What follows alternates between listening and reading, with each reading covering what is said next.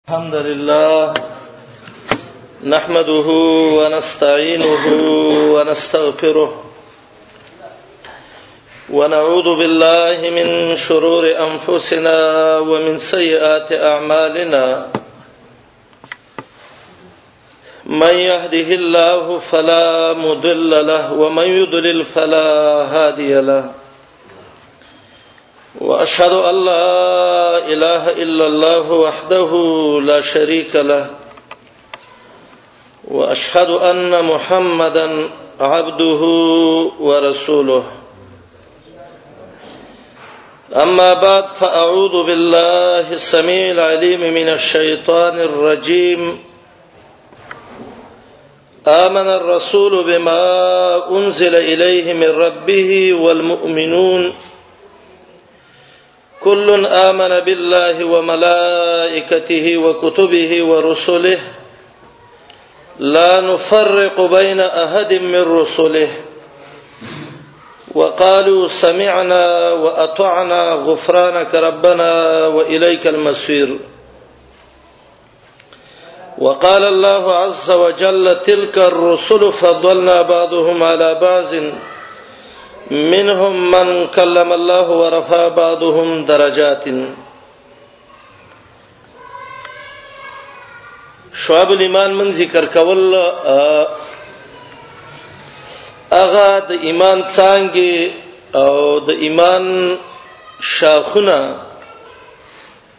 چې داغه په سبب او داغه په وجه باندې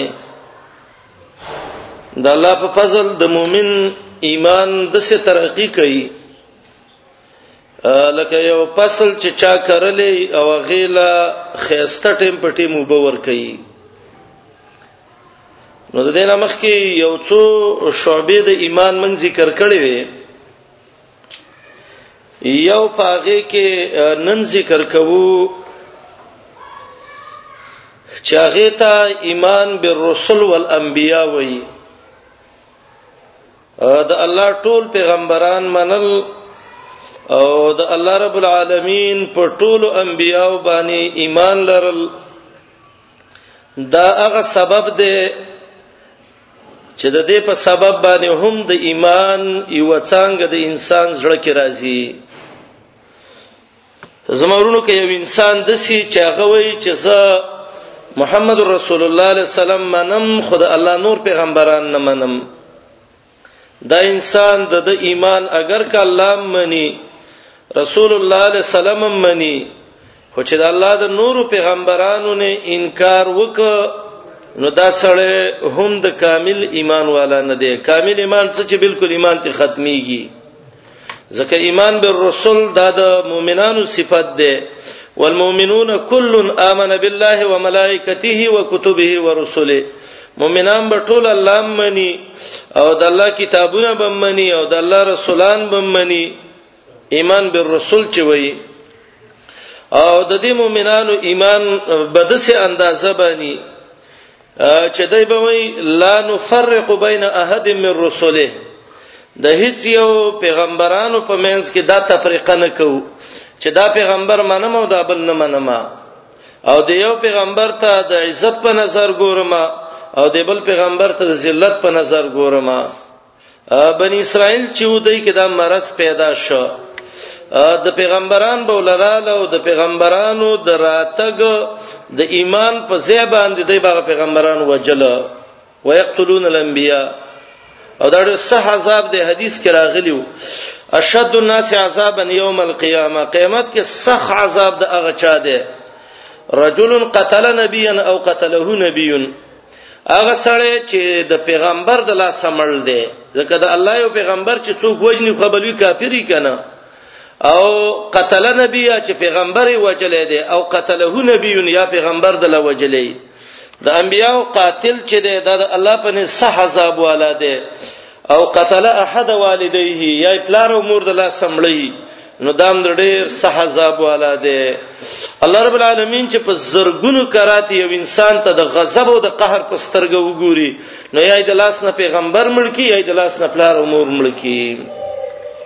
دلته یو څو خبرې ز د الله په مدد باندې ذکر کومه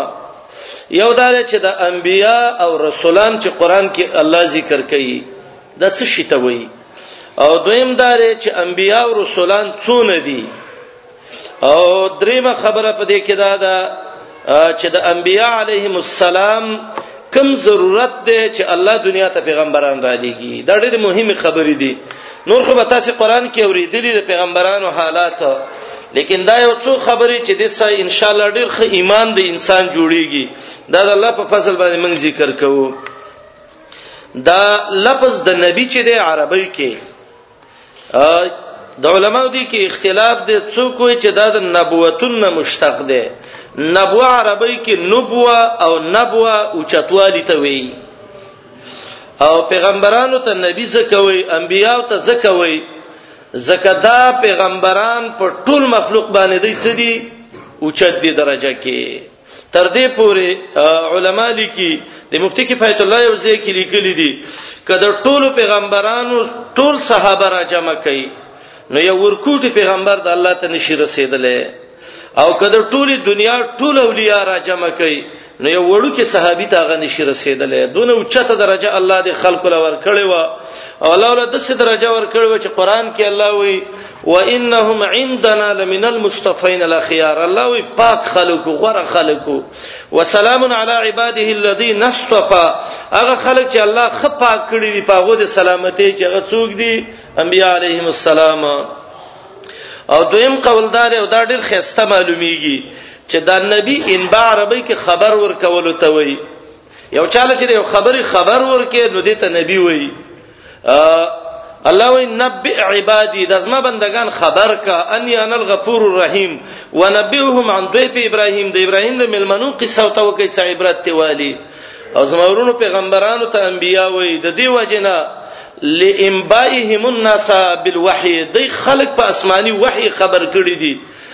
چې الله د سی وی او د الله دا حکم د سی منل غواړي او دای د سی منل غواړي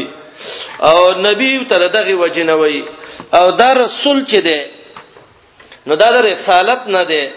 او رسالت ویل کیږي پیغام رسولو ته د یو چا یو خط وړل دته دا کوم انسان چې دا خط وړي نو دیتا رسول وي او دا چې چاله لیږي نو هغه ته مرسل الیه وي او د خط عربی کې رسالت وي دا وحي الله په کاغذونو کې او په تختو کې لیکلی و او د پیغمبر ملائکه په خلی باندې د عبادت تر علی غلی و دا د الله یو پیغام و دا د الله رب العالمین یو دغه د خطو نو دله الله د څخه خلق منتخب کړو چې هغه د الله پیغام د خلکو تر ورسي نو په دې بنا باندې دې ته څنو وي رسول وته وي رسول وته وي بس چا دا فرق کړی چې رسول هغه چا دوی چې کتاب وسي او نوې دین وسي او نبی هغه ته وي چې دا هغه کتاب نه او نوې دین مسنی زوړ له پیغمبر دین دغه کوي خدا قول د قران نه چې خلاف راځي ځکه چې د بعضی پیغمبرانو باره کې الله وی وکانه رسول النبی سورۃ مریم کې وی رسول مو نبی مو محمد رسول الله د الله نبی هم دی او د الله رسول هم دی نو خه خبره ده ده همدغه یو د الله بندگان دي نبی متوي په دې معنی چې خلق خبري د الله د خبرونه او درجی او چتی او رسول متوي د دې وجه نه چې د الله غ پیغامي د خلکو لپاره وړي دي او ټول قران کریم کې دوه قسمه پیغمبران ذکر شوی دي سورته انعام کې الله وایي بعضی د سړي چې داغه تفصیلی حالت من بیان کړی دی تا ته تقریبا د اتیشتو پیغمبرانو واقعا یا څلیرش قران کې ذکر دي او بعضی د سینې چې هغه تفصیلا نه دي خو اجمالا ذکر شوی دي خو الله د دې آیاتونو نه معلومیږي چې الله وی نبیون وی یا الرسل وی نو د دې دامن چې الله ډیر پیغمبران را لېګلې دي دا موږ معلوم کو چې الله څونه پیغمبران را لېګلې دي د کعب الاحبار یو قول دی چې الله دنیا ته ډیر پیغمبران را لېګلي دي ډیر رسولان راغلي دي او دا ډېر عجیب عادت هم دی دی عادت کې بلک سوچو کې چې زم کې خطا نشمه که خطا یې چې به راته وی وي هغه وی صحابه ته تپوس کو چې د آسماني کتابونو کې د رسولانو څونه تذکره و نو هغه ته وی بعث الله الی الدنیا الف الف نبین و 100 الفنا الله رب العالمین دی دنیا ته دونه پیغمبران را لېګلی لکه 2000 لچ زرو کې ضرب ورکې نو د دینه تقریبا 2 میلیون راځي او و مئات الفین او 2 لاک او سنور نو 2 لاک پیغمبران الله دنیا ته را لېګلی دي دا د کابل احبار قول دی الفی الفین 2000 لچ زرو کې ضرب ورکې دستي جوړیږي کنه 20 لاک تقریبا راځي نو الله رب العالمین وی ټول دنیا ته الفی الفین و مئته الفین 22 لاک 2 میلیون او 2 لاک پیغمبران الله دنیا ته را لېګلې دي نو ډېر پیغمبران الله رب العالمین را لېګلې دي د مقاتل یو قول دی هغه وایي چې ماته را رسیدلې دي امام قرطبي د سوره اعراف انعام په تفسیر کې او دای په سوره زخرف کې لیکلي دي غالبا د پیغمبرانو علیهم السلام د عدد چې مقاتل وایي چې الله رب العالمین دنیا ته الف الفنا و 400 الف و 24 الفنا الله رب العالمین دنیا ته څوار لسلاکه او تقریبا څلیری زره پیغمبران را لېګلې دي ګوره د کعب الاحبار قولو چې الفه الفین و مئه الفین چې دا غینه تقریبا 22 لاک 22 لاک ته جوړیږي 2 میلیون او 2 لاک د د عدد ل کم دی دا غی په نسبت وای الف الفین د عربی کې لس لاک ته وای او اربع 100 الفین نو دا 4 لاک ته وای نو څلور لاک او لس لاک نو څوار لس لاک شو او 24 الف سلیر زره نور نو د مقاتل قول دی چې الله دنیا ته ټول پیغمبران څوار لس لاک او سلیر زره پیغمبران الله دنیا ته را لېګلی وو ابو نعیم اصفهانی لیکلی دی د هلیت الاولیاء کې چې الله رب العالمین ټول دنیا ته 12 لاک پیغمبران را لېګلی دي او هم دولس زره اته زره بن اسرائیل تر لګلیو او څلور زره عامي دنیا تر لګلیو د ټولو کې یو روایت دی خدای روایتونه چي دي کدا د کعب الاحبار روایت دی هم سندن ضعیف دی او کدا د مقاتل روایت دی هم سندن ضعیف دی او کدا روایت د ابو نعیم دی نو دا هم سندن ضعیف دی دلته یو بل روایت دی د ابو ذر غفاری رضی الله عنه هغه سند کې کلام شته دی لیکن د نور په نسبت له قوی دی او غړي مشهور هم دی زمونږ استاد په حوار کې وای الله رب العالمین دنیا ته ابو ذر غفاری وای ما د نبی رسول الله نه تفوسو ک چې کمن نبی من نبیون ارسلت څونه پیغمبران انبیا را لېګل دي وکمل مرسلون رسولان څونه الله را لېګل دي وای ما ته نبی علی السلام ویل چې رسولان انبیا چي دي د 100 الفین و اربع و عشرین الفین یو لاک سلیریش سره پیغمبران دي او رسولان چې دي نو دا ثلاثمه او ثلاث عشر دا درې سوا او دیار لس پیغمبران رسولان الله را لېګلې دي نو د دې کلام نه دا معلومیږي چې انبیاء علیهم السلام دا ډیر دي په نسبت سره چانه د رسولانو نه او دا روایت هم سندن ضعیف دی خه خبره دی باب کې دا د ډیره زیاته چې الله رب العالمین ډیر پیغمبران را لېګلې دي ډیر رسولان را لېګلې دي ډیر انبیای را لېګلې دي او زمون ایمان برای چې موږ په دې باندې ایمان راوړو او دا وی الله نفرق بین احد من رسله د الله د هیڅ یو پیغمبر په منځ کې به موږ تفریقه نه کوو ګوره د دې دا مانند ده چې یو سړی وایي چې محمد رسول الله خو ټول پیغمبرانو کې غوړه دی نو څنګه تفریقه نه کې او قران کې وایي تلک الرسل فضلنا بعضهم دا پیغمبران ما بعضی غوړه غوړه کړی دي او الله وی ورفا بعضهم درجات اند چا درجه یو چتی کړی دي او د آیات د بقره کې وی لا نفرق بین احد منهم د یو مینس کې جداواله نه راولو نورونو دا مسله جدا جدا ده د سې جداواله نه راولو چې په بعضی ایمان راوړو په بعضی باندې ایمان نه راوړو او د سې جداواله شته دي بعضی نبی ډیر غوړه دي او بعضی نبی د هغه په نسبت سره درجه کمه ده لکه محمد رسول الله علیه السلام ویلو انا سید ولد ادم زه د آدم علی السلام په بچو کې ډیر سردار یم ولا فخر وې د تکبر په طریقې نه ویم او لا تفضلونی علی یونس بن متا ما په یونس غواره نه کوي غواره چې د سی وی چې یونس درېب کې دی او د الله نبی نو او زه الله اسمانونو ته وخې جوړم او زه د الله نبی ما لا تفضلوني على يونس ابن متا او په دې انبیاء علیهم الصلاۃ والسلام کې تاریخ لیکي چې دا قران کې کم پیغمبران ذکر شوی دي نو دې کې صرف یو پنځه پیغمبران د سیدی چې دا د ابراهیم علی السلام په بچو کې نه دی او دا نور ټول پیغمبران د ابراهیم علی السلام بچو کې راغلي دي د دې وجنه د ابراهیم علی السلام لقب د ابو الانبیاء د پیغمبرانو پلار یو پاغي کې چې قران کې ذکر دی او د ابراهیم علی السلام په بچو کې نه دی سیدنا ادم علیه السلام دی زکه دا ابو البشر دی او دویم پاغي کې ادریس علیه السلام دی چې د دنوم اخنوخو او خه خبره دار تاریخ لیکي چې دا د ادم علیه السلام نو سیو او دا ادریس چې و د د څه صحیفې په الله را لېګلې وي هغه به لستلی ادریس وته د دراست د وجه نه وي دراست لستلو ته وذکر په کتاب ادریس دا خبره غلطه ده دا بعضی خلک وایي چې دا ورفانه مکان علی دا څلورم اسمان کې جنتین له جامع ګنډي او ټیلر دی دا ډېر خطا خبره ده او چته مرتبه د نبوت وا نو دویم پیغمبر چې ابراهیم علی السلام په بچو کې نو نو هغه ادریس علی السلام او دریم پیغمبر چې د ابراهیم علی السلام په بچو کې نو نو هغه سیدنا نوح علیه السلام دی او څلورم پیغمبر چې ابراهیم علی السلام په بچو کې نو نو هغه لوط علیه السلام دی او پنځم پیغمبر چې ابراهیم علی السلام په بچو کې نو نو هغه صالح علیه السلام دی دا پنځه پیغمبر محمد رسول الله علیه السلام او ومت دا ادم علی السلام او ادریس علی السلام چې اوخنوخي نوم دی او نوح علی السلام چې د خپل نوم عبد الغفار ورسره د خبره زکوما او ورسره لوط علی السلام او صالح علی السلام دا پنځه پیغمبران چې قران کې ذکر دي وای دا ابراهیم علی السلام بچو کې نه دي دا د زبیر په نوم یو تابعی دی دا قول دی نور چې دا څونه دي نو دا دغه دي دا د ابراهيم عليه السلام بچو کې بل دا مې یو تاریخ لیکي چې الله په عربانو کې صرف پنځه پیغمبران را یا شپږ را لېګلې دي دا نور ټول چې دینو دا په عجم عجمو کې راغلي دي چا عبرانی جبه ده او د چا سوریانی ده او د چا بل ده یو پاره کې چې په عربانو کې راغلي دي نو سیدنا اسماعیل علیه السلام ده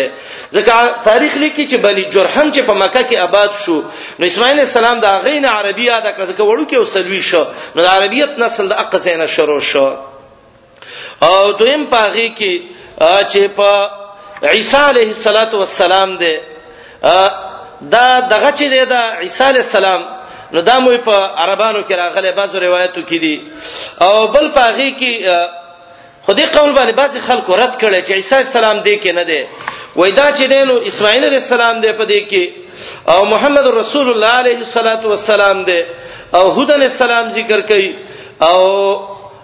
دا بعض روایت کې صالح هم دی خو خبره چې صالح په نورو کې دی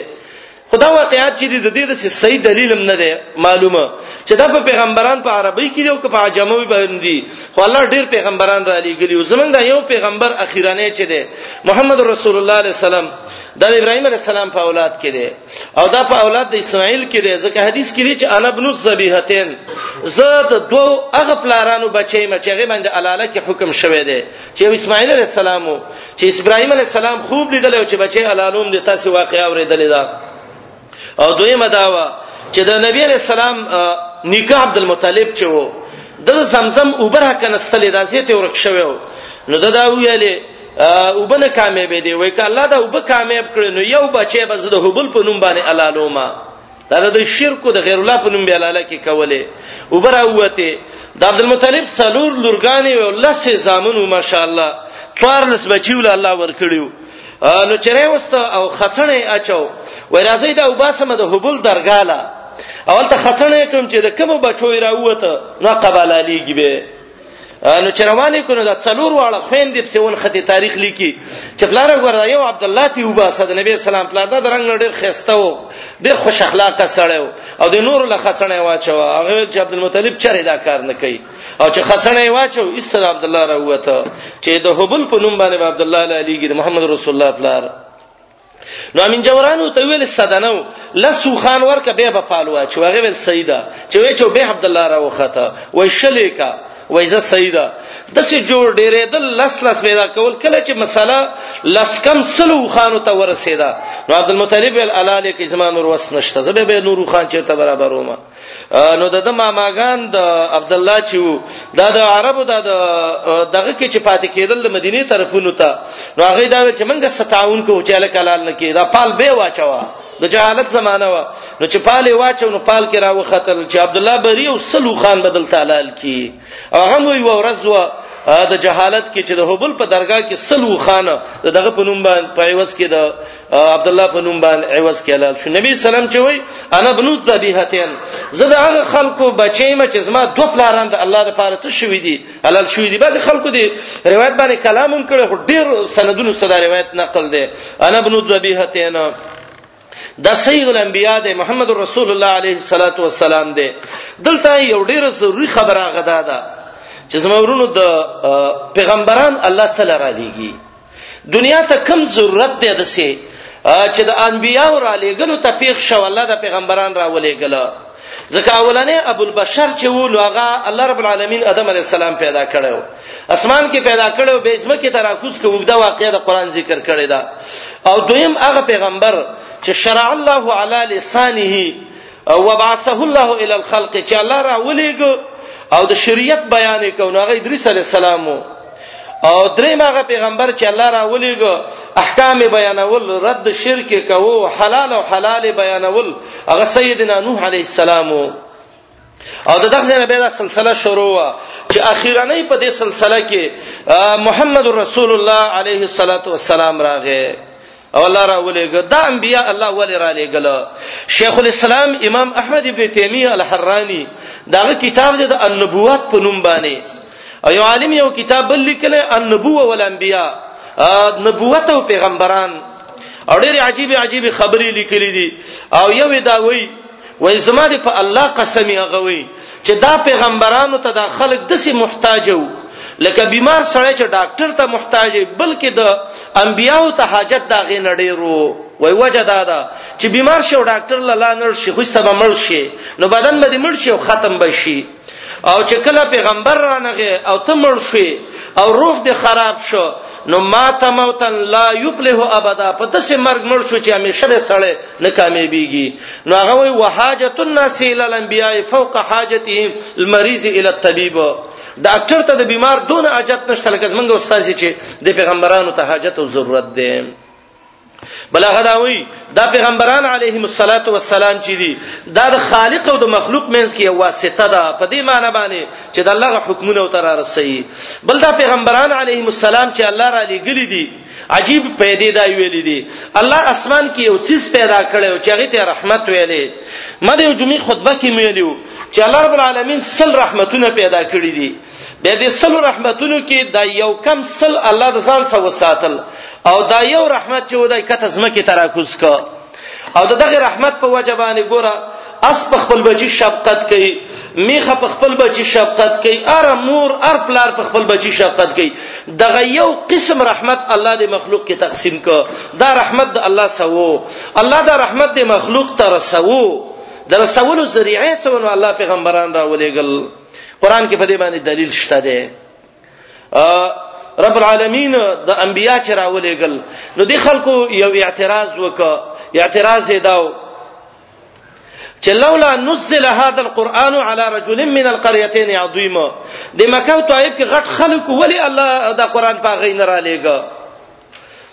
نو الله رب العالمین جواب وک اهم یقسمون رحمت ربک ایا دای د الله رحمتونه تقسیمي دا خو د الله رحمت وبره او الله په دای وکاو د رحمت دای کې تقسیمي نو دا خو الله رحمت لره لګل و ما ارسلناک الا رحمت للعالمین قل بفضل الله وبرحمته فبذلك قتاده وی رحمت د پیغمبرانو را تک دی نو یو سبب کته سینه چا د پوسو ک چې دنیا ته الله پیغمبران ولې راولېګل د سیو واس به وتا کړې وي نو تاسو به دا ویو چې دا د الله او د بنده منځ کې واسطه ده الله سره چې کوم رحمت او الله د بندگانو تر سو نو الله د انبیو په واسطه او تور ورسو ماشاءالله دا ډیره خسته نکته ویلې ده او دویم علت غ ذکر کوي چې الله رب العالمین پیغمبران ولې راولېګل وای د دې وجه دا وا چې دې پیغمبرانو الله له یو پیغام ورکړیو د الله یو پیغام چې هغه وحی وا دا رسول د الله بندگانو ته پکارونو څوک چې خط لیږي نو دا غیسه وړون کې پکاري یا ایه الرسول بلغ ما انزل الیک اے پیغمبر دا زما پیغام الله وی ورساو که یو خبره دې پرې خدا نو ټول پیغام دې او رسالت دې ونرساو نو دا الله رب العالمین یو پیغام وو چې هغه تبلیغ د حقو نو الله رب العالمین پیغمبران را ورس راولېګل چې انبیا او زما دې قوم ته وی چې ستاسو الله دسی وی دسی وی دسی وی دسی وی نو الله پیغمبران دې لرالې ګلې دي دا څو خبره مې وکړې دوا دا یادوي او دریمه خبره چې الله پیغمبران را لېږي هغه د دې لپاره چې خلک چې په تزکیه ته د دې ضرورت وو په ګنده اخلاقو کې پراته وو د څه غلط اخلاق یو چې ما مخ کې ویلو چې د معمولی څاڅ کې د غبین د وجنه په کلونو کلونو دښمنۍ نه وي او سو خزرجو او دا حرب بسوس او دا بل جنگ او دا بل او دا بل او دا بل ظلمونه کې شروع د خزو حق پکې ورکو زنانه به بیمار شو یو شړې کمرې ته به واچله لکه د چې یو سپي یو روټي به ورچله وتا خاون به مړ شم یو کال به کمره کې چلی و او به نور پر خو دیو ته چې سر پی وینځي بدن پی وینځي کال بعد به به یو زنده سر را وس یو دابه او د وخ یو پچا به ولور ته چې په دې گزار وکړو چې گزار به وکړو او به لګیدو عیدت دی پوره شي یو کال به مسکینا چلی و دسه خلک په دسه بد اخلاقی کیو او دونه بد اخلاقی و چې دا غټ خلک چې وو دا واړه غریبانان دا غو خوراکونه وو الله رب العالمین پیغمبران را ولېګل و یزکیهم د دې اخلاقونه پاک کړه شرکی عقیدو کې اخته کله چې د ایران گورنر ته صحابه راغلیو جعفر رضی الله عنه سو مغیره ابن شعبه او نور خلکو هغه ته ویل د سبم کو هغه سبم کو چې د بابونه وکړه د بيدینو خلکو عادت دی چې په حق پرستو د بابونه کوي هغه ته وی د باب مکه وکنا فی جهد و بلاء و شقاء من د الله د پیغمبر دراتک نه مخکې ډیر مصیبت کیو نمس الجلد والنوا غریبیم د سوچ مالونو څرمنه او اډو کې د کجورو بم خړل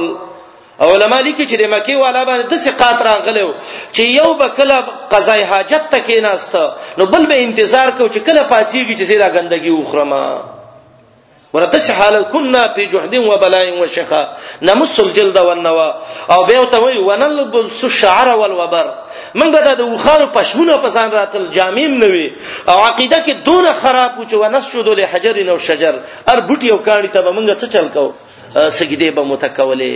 د سي عجیب دغه ودا جهالت شروع الله پیغمبر راولېګو ربنا وبعث فيهم رسولا منهم الله چې ستایاتونه ولي وي زکیهم او د دې عقیدونه دغه کیده او حدیث کې راغلی او دارمی چې ذکر کړی دی صحابي وایي زما غلور چې وما کور کې ویل لړم نه غوښتل چې زما کور کې څنګه زما پیغله لوري او سبب ربل کور ته زی او چا به دی وجنه وجل چې دی جنې کوله به څوک ډوړی غانې ور کوي د عربو کې د خزو سره ډیر ظلم وو د حدیث مقصد دا دی چې نبی علی السلام یې ماته دا ماشومان او دا خزې ډېری محبوب دي د دې حق ضایع شوی او صحابي وای وای ما روانه کړل وای او چې مې روانه کړ کوې کنم زما ګیره کې خاورې لګي او دای رانه دغه کوي لری کوي او راته وای چې بلاره دا څه کې وای ما چې بچي اسک سکند کینو ما ماګانو زیل دي جو او بل اخرت ورومي غرزول او ته او دا خاور په غیبه خاور به راځتله ډیره اوریدونکو خبر خزر جنای و او ما په خاور ورغورځول شروع کړ او چې تر نامه نامه می خاور کې ډوب کړ جنای پوښتنه چې وسمه وجنی وای ما ته ویل یا ابي ما تفعلوا بي پلار په ما څه کوي او چغه والي او مولا په خلی خاور ورواړول د پاسه په وګرځیدم و اذا الموءوده سئلت د سجهالتونه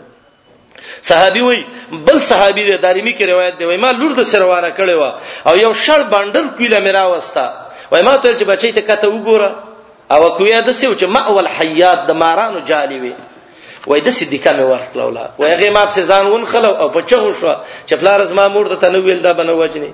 وای ما کې غ جهالت بهم دون دغه شو لګه میرا وستا وای به مې بوتلو هغه چغي والي کته مې وروغرزوله او جړلې جړلې جړلې او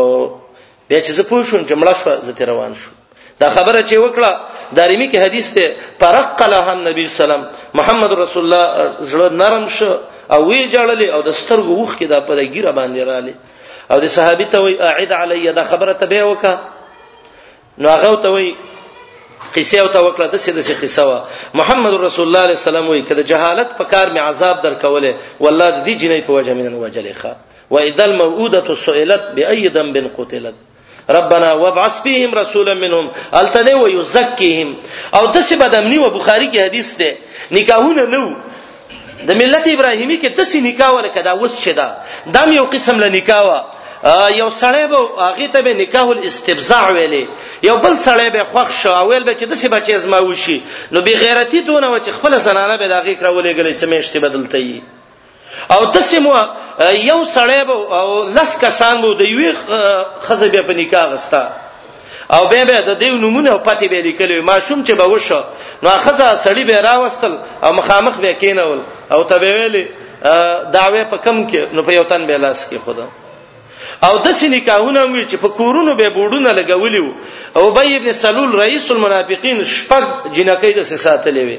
او هغه سبب بد عملین زنا کوله او پته او نمونه به لیکل د ارچا او چې ماشوم به پیدا شو ټول به راوغختل قاپه شناس چې شکلونو نه سړی پیژني هغه به را وسوګره ماشوم د چاپ شاندې میراث کې به غیب سره ورغورځاو الله اسلام راولېګو محمد رسول الله عليه السلام وی ولدت من نکاح لا من صفاهن زما مور چې زما پلار غسته و په نکاح ابراهیمی غسته و زنا د نور ټول د زناګانی وی و یزکیهم دا فائدہ و خلکو د سي احتیاجو نو الله پیغمبران را ولېګل ورسره بل فائدہ ده دا وا د دې خلکو یو قیادت ته ضرورت وو یو د سه مشر پکار دی چې هغه مشر د خيسته اخلاق والای د سه خلک چې هغه پاک خلک ظالمان خلک نه نو امت مسلمه لا یو مشران پکارو دا مشران الله رب العالمین ته خه معلومو نو الله دا خلک انتخاب کړو لقد کان لکم فی رسول الله اسوه حسنه دا اسوه د مشری د نبی علی السلام بل خبره دا الله رب العالمین دا پیغمبران را ولېګل قران کې الله وی ولی لالا يكون للناس على الله حجه چې د خلکو په الله څخه عذر او بانه پاتې نشي او د سینې چې سبا قیامت کې الله ته وایي چې ربنا لولا ارسلت الینا الله ولې پیغمبران نه را لېګل موږ به آیاتونو تابعداري کړو الله نن باندې شرمې دي نو الله پیغمبران را ولېګل علماء لیکلي تقریبا شل پنځیش فواید د چې پیغمبرانو ته خلق محتاج وو امام احمد ابن حنبل سیبوي وای دا خلق پیغمبرانو وحی ته ځکه محتاج وو چې دا دین وو او خلک چې خوراک او اسکاک ته دونه نه دي محتاج لکه دین ته چې څنګه محتاج دي ځکه خوراک اسکاک ورځ کې یو ځل دوه کوي او دین چې نو د هر سا اغستو سره دا ته محتاج دي خدای الله نظام ته ورونو الله چې کوم پیغمبران را لېږي نو الله په امتحان کوي او دا د الله قانون دی چې رب العالمین ته څوک ډیر محبوب شي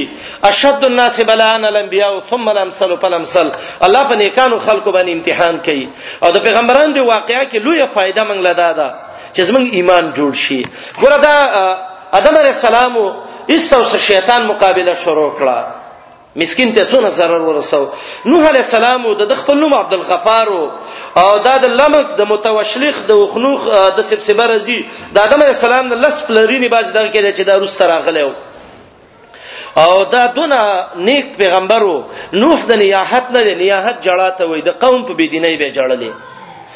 او د باره کې راځي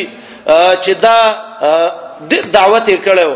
یو سړی مړ کېده او دا ورغه وای زبو تل دغه وکم دعوت به ته وکم نو هغه ابا چوته وای زبا مړ شم خو چې دې سړی خبرونه مانی نو هغه په سراپات نو نوح علی السلام یو په سر ولوینې را ماتې کړې بل سړی لار کې روانو ځان سي څه پند اغسته او سامان وسو نوح عليه السلام ول دا به سکور ته وې سما د مفسرین لیکي او چې وې مې ورز ما خبره به ومني نو چې ورغه پیټه مو سوي ول الته کې خود نو نوح عليه السلام ولاړ دی نو اخلاقونه کارلی د پیغمبرانو امتحانات او اخلاق ته وګورئ نو هغه سړی هغه بچی ته وای پاغه وګچو بچي زبا مړ شم خو چې دې سړی خبرونه مانی نو هغه ما کوز کله نو چې شانې کوز ک کانه راواز دغه سری ویشتخه نوح علی السلام هغه مشرکین چې وات سوا یغوس یعوق نصر د دې بندگی کوله نوح علی السلام خیره وکړه رب لا تزر علی الارض من الكافرین دیارا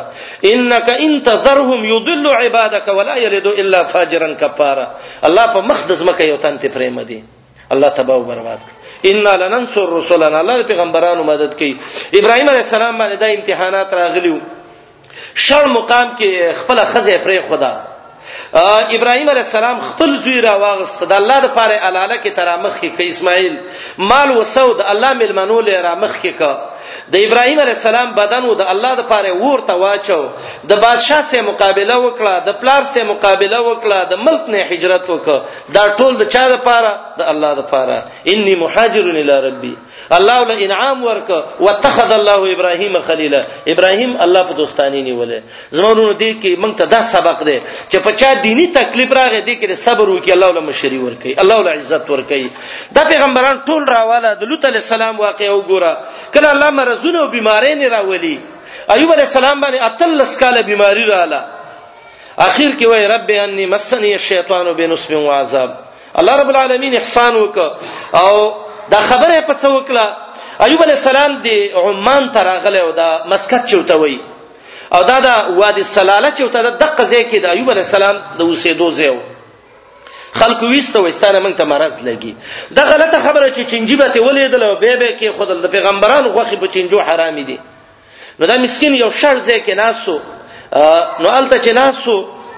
دا زنانه به راتله مؤمنه مسلمانه خزوا بی دین نه و چې خاوندې بیمار شو داتې وای زه خپل کار کوم مرغان دی وخرمل شي نه نه د مسلمانې خزې د عادت دی د بد خاون خدمت کوي او دی باندې الله اجر ور کوي ان شاء الله دا خدمت برباد نه دی د خاون د الله پسې دویم نمبر حق الله او رسول پسې په خزبانی د خاون دی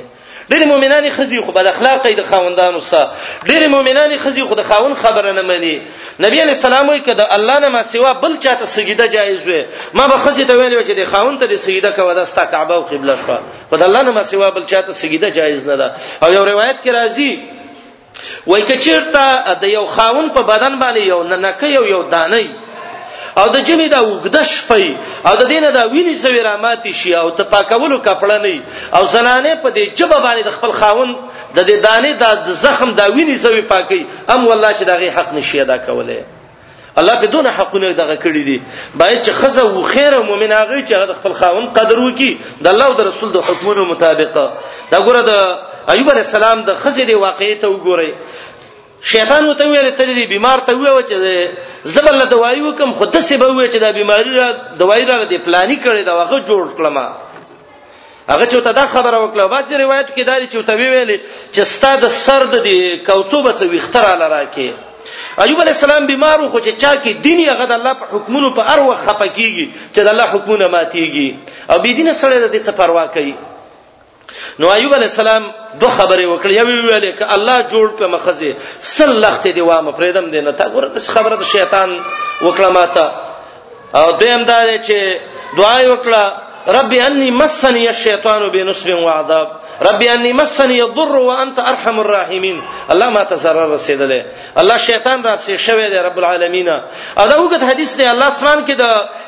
د ایوب صفات وک شیطان ول بچیو پیسې دی لور کړی الله ول دا به ته عالم چې ته ویغه سوې وسم عبادت کوي وای الله بدن دی ور کړی بدن مولا رب العالمین د سکه او الله رب العالمین چې تکلیف نه رسته به په انسان راحتونه راولي ایوب علی السلام ته الله وی دا زه په لته و او هغه ځکه کې وبدغه شو وسم وادي سلاله کې هغه کند کې او بشته دي موږ یو مرګره غل ز خپل ورغلې وملته او ما ویل وای دا زړو سره سندر میږي د غزاله چورش ایوب علی السلام د غزا کې زنانه تل د کلی له خوراک لره وړي چې ګوري مرغان په دې زیرال نو دا خزه مسکینه په چغو چغو روانه ده او دا وای چې زما خاون مړ شو لکه چې مرغانو غوخي وخړلې اچراغه روغ سړیو وته ویل دلته زما بیمارو هغه ویل غسیم وای ته خو نه سړی راته وخه وای ما نو واقعي او ټوله بیان کړ الله تعالی ول چې تا دونه غیرت وک او دا خزه دې دونه نه را دا دونه ایماندار ده او ستا خدمت وک الله اسانته را وسته وي وخذ بيدک زغسا لاس کې دا سل لخت راواله بس یو چومبه کې کو یو زید جاروب شانه بده سی ووا فضرب به ولا تحنس ان وجدنا صابرا نعم العبد انه اواب ورته الله دا یوب صفات کوي ابي ایوب علی السلام ناسو بخاری کې حدیث ده د سونی او د سرو زرم لخان په دبرنه را لیدل او د زر زر راجمه کول الله ول بچی مو ورکړه یو تاریخ دا چې غمړې ول راځوند کړه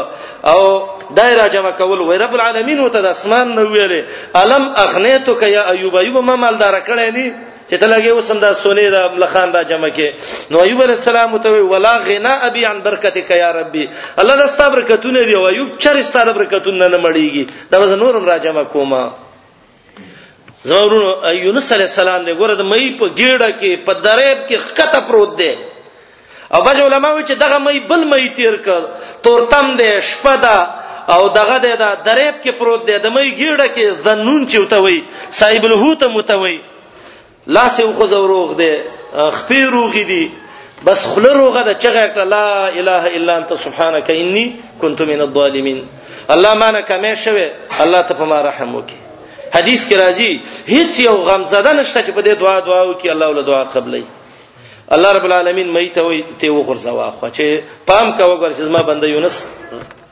مشکلاتو سره مخامخ نه کی دا انبیاء علیهم السلام دا واقعیات قران کې تاسو به به اوریدلې دي او زه وایم نه پدې چې سړي قران سره شوق پیدا شي پلانی پیغمبر ته دونه تکلیف ورسېده پلانی ته دونه زکریا علی السلام مسکین په ونه کې اره کړی ودسه او نیمه یو خوا کو نیمه بل طرف تک یحیی علی السلام مسکین شهید کړو هغه ابو داود روایت دی کله چې بخاری کې هم دا روایت شته دی چې صحابي راغله او خباب وای ماته تکلیف رسیدلې دی او د الله نه دعا وغواړو تکلیف پیدا چې په ورس کروټو باندې چلو نبی رسول الله ته تاسو تکلیف رسیدل والله لقد كان من قبلكم زما په الله قسم دی چې د پیغمبران تیر شوی من یوزع المنشار على مفرق راسه ما دون اللحم وعزم چې په سر یو ته د وسپنې اریخي وي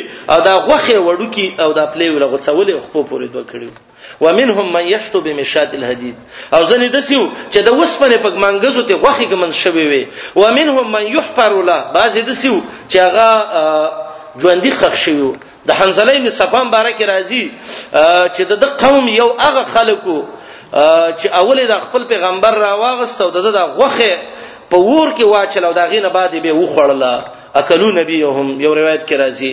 او ګرم وبو کې دا وري تکړه او پخ کړه یو الله پیغمبرانو باندې د سي امتحانات راولي اشد الناس بلان الانبیاء ثم الامثل فالامثل رب العالمین ته چې څوک ډېر محبوبي نو الله رب العالمین پاغي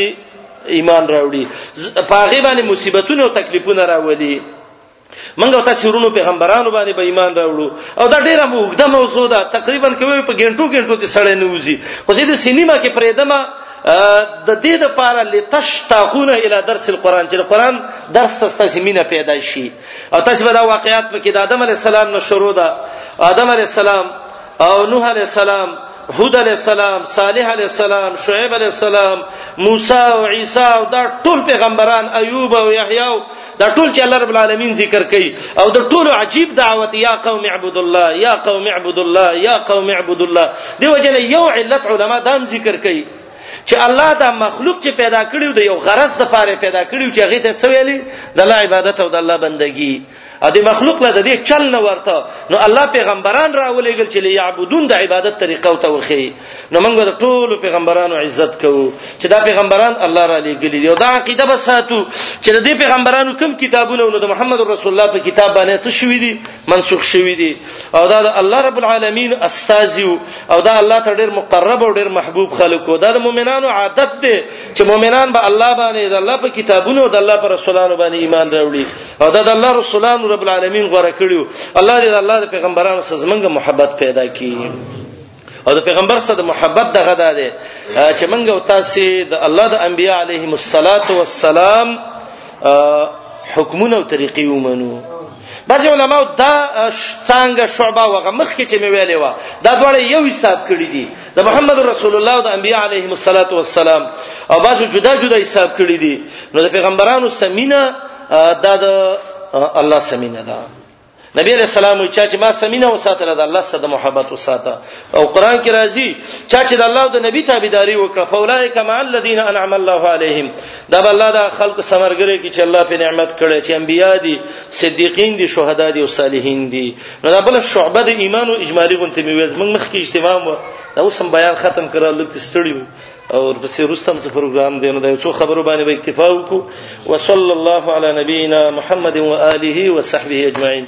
ان شاء الله ټیم ته حاضرېږئ چې د جمعې خطبه کې زنو مکلم دی به دا معنی نه چې درس ته باندې راځو خو دسی یا چې ته بیان یاد شي چې زمونږ ټول عمر ته شي چې مسخینه پورې درسي بیا بیان یاد کړئ ان شاء الله دا دعوت کوم او اینده درس ته نور مرګري تیار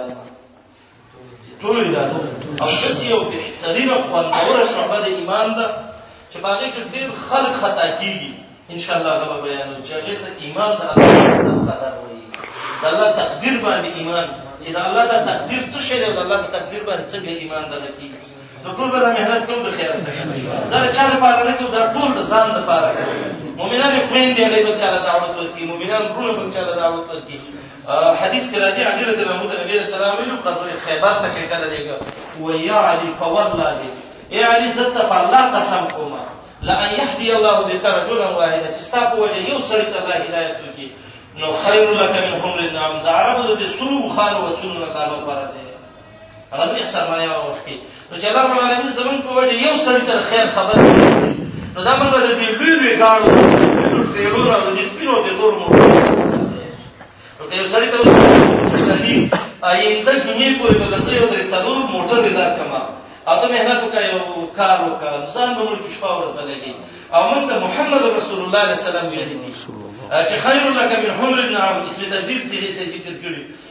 نو دا خیسته نعمتونه دا نو څوک حاصلې موږ او تاسې له حاصلو